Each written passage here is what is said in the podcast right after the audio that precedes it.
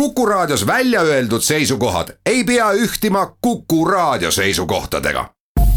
Te kuulate Kuku Raadiot.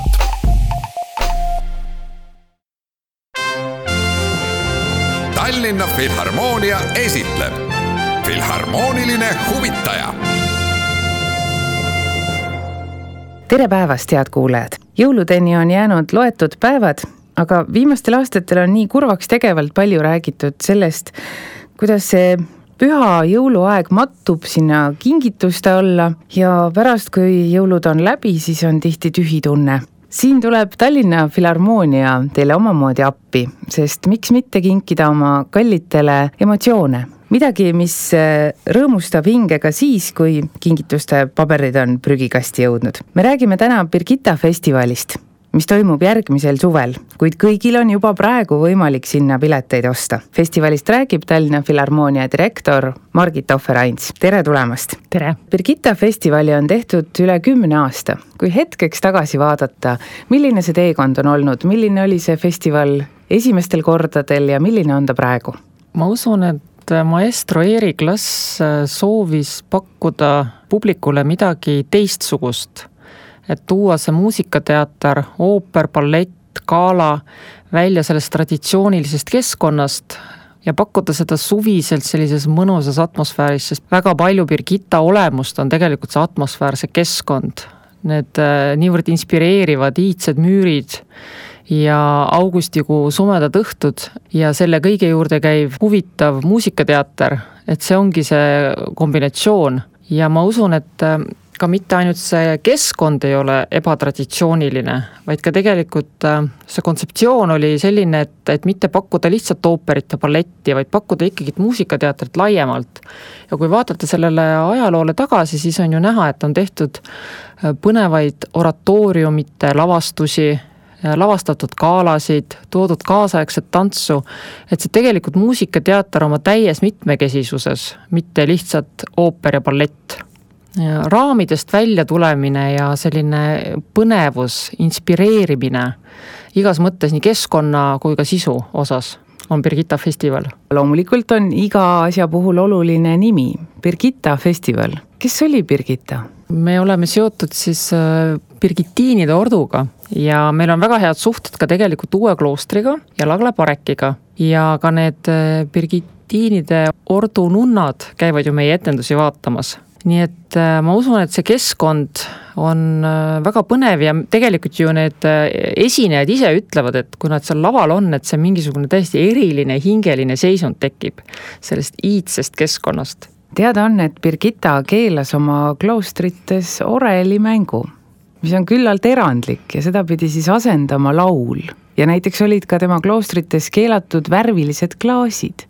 kuidas teie küll olete selle kompromissi saavutanud selle kauge pühakuga, et nüüd on ikkagi see energia ja kõik seal olemas ja tundub, et ta ei pahanda? ma usun, et kõik on ju ajas äh, muutuv ja ajas arenev ja sa võtad selle parema kaasa ja teed oma mingisuguseid mugandusi sellesse. võib-olla ka inimesed rohkem käivad ja kogevad seda keskkonda, kui selles keskkonnas toimub ka täna midagi ajas aktuaalset, siis on see palju tõenäolisem, et ka noored inimesed äh, kogevad seda ajalugu. sest Birgitta on võtnud endale ka südameasjaks pakkuda igal aastal midagi lastele ja noortele. sellel aastal on meil spetsiaalne rooteravastus Muusikalik huul ja räägimegi kavast, see on tõepoolest uhke, mis siis järgmisel suvel on tulemas. meil on viis erinevat lavastust ja esimese lavastusega Puccini ooperi Bohemiga toimub meil kaks etendust, üheksas ja üheteistkümnes august. ja me oleme väga rõõmsad, sellepärast et äh, Birgitta festivalil on esmakordselt üks Itaalia teater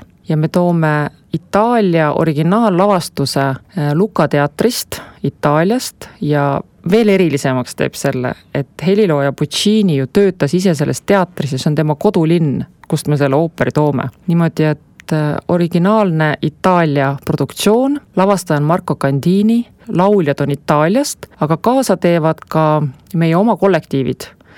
Eesti muusikutest koosnev festivaliorkester Eesti Filharmoonia Kammerkoor, Rahvusooper Estonia poistekoor ja Tallinna Muusikakeskkooli lastekoor. ja tegelikult on siin ka tunda äh, festivali looja maestro Eri Klassi sellist äh, puudutust, sest et tema ju üks äh, selliseid missioonitegevusi oli see, et ta tahtis, et kohalikud muusikud saaksid kaasa teha rahvusvahelisel kõrgetasemelistel projektidel, mida see Puccini Boheem ju nüüd koostöös Itaalia ja Eesti vahel on kuidas selline koostöö sünnib, kui pikka aega tuleb selleks tööd teha? mul on väga hea meel, et äh, festivali uuskunstiline juht Risto Joost oli niivõrd ambitsioonikas ja niivõrd järjekindel, et ta püüdis väga paljude erinevate Itaalia teatritega läbi rääkida ja kontakti leida ja meil on tegelikult ka järgnevateks aastateks nii ühte kui teist praegu kõrvale pandud, lihtsalt kõike ühel festivalil ei jõua.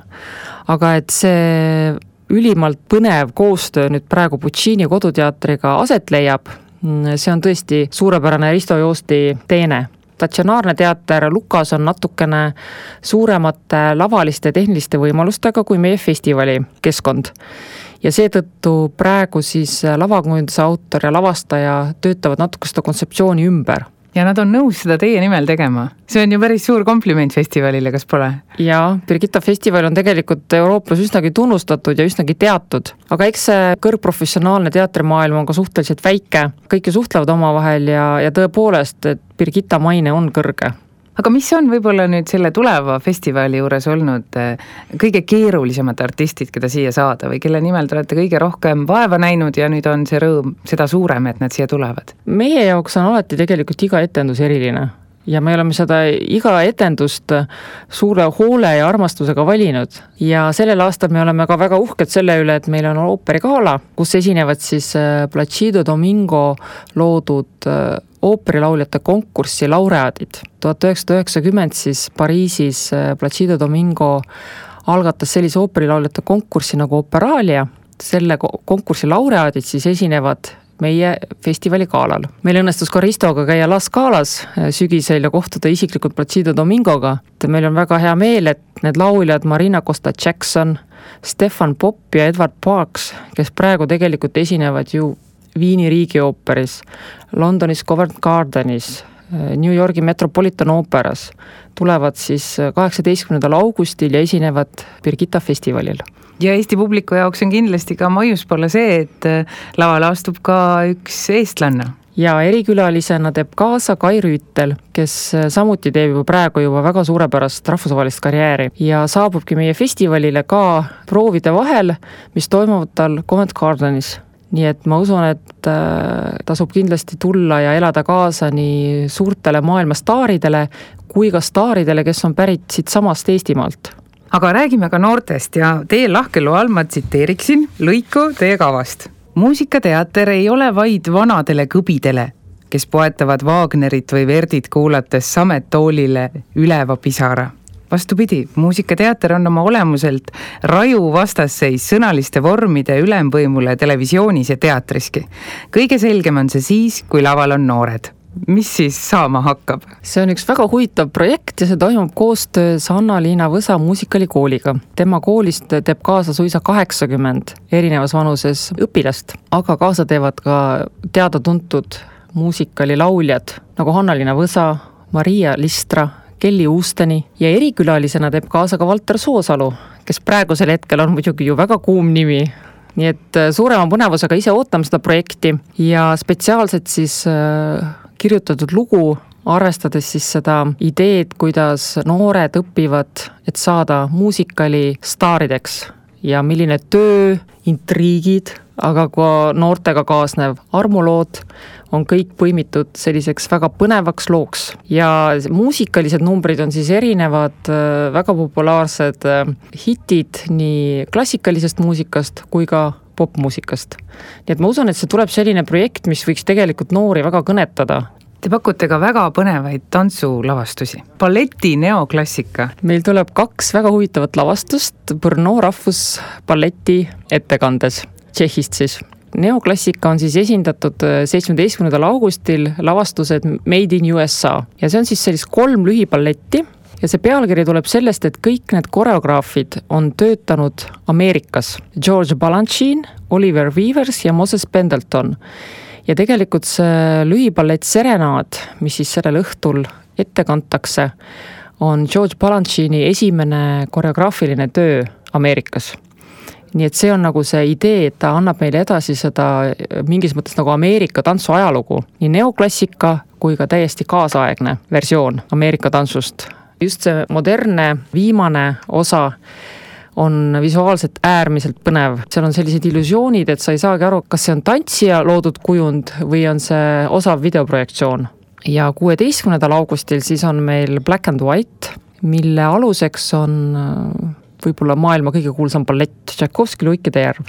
aga Brno rahvuspalleti kunstiline juht Maria Radakovski on teinud sellest modernse versiooni. Ja tema versioonis ei ole keskseks kujuks mitte naisluik, vaid hoopis meesluik.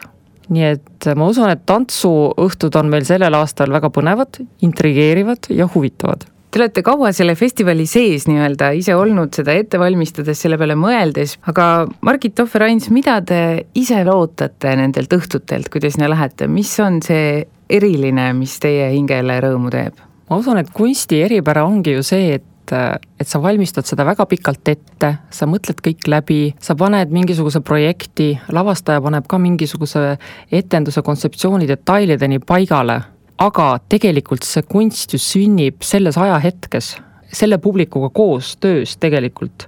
saab ka artist ju selle energia ja mingisuguse emotsionaalse laengu, kuidas ta just sellel õhtul seda ette kannab. see on alati selline ootuse moment, et ma usungi, et see hetke erakordsus on see, mida sa tegelikult ootad, ootab iga korraldaja ja tegelikult ootab ka iga publiku liige selleks, et tuua lavale nii võimsad ideed ja kõik need artistid ja kuulsad muusikud, midagi ei ole teha, selleks on vaja ressursse. ja ei ole ka selle festivali piletid, no ütleme siis nii, et mitte liiga odavad. aga siinkohal ongi Tallinna Filharmoonial omamoodi kingitus kõikidele pühade ajal me tulime oma festivali kavaga avalikkuse ette neljandal detsembril, kus me alustasime esimest sooduskampaaniat ja see kestab kuni kolmkümmend üks jaanuar kaks tuhat kaheksateist.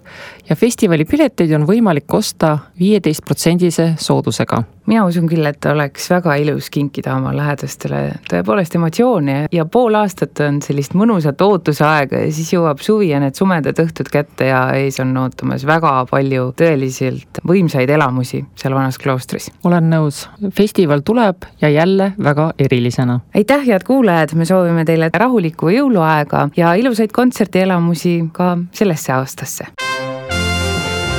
Tallinna Filharmoonia esitleb Filharmooniline huvitaja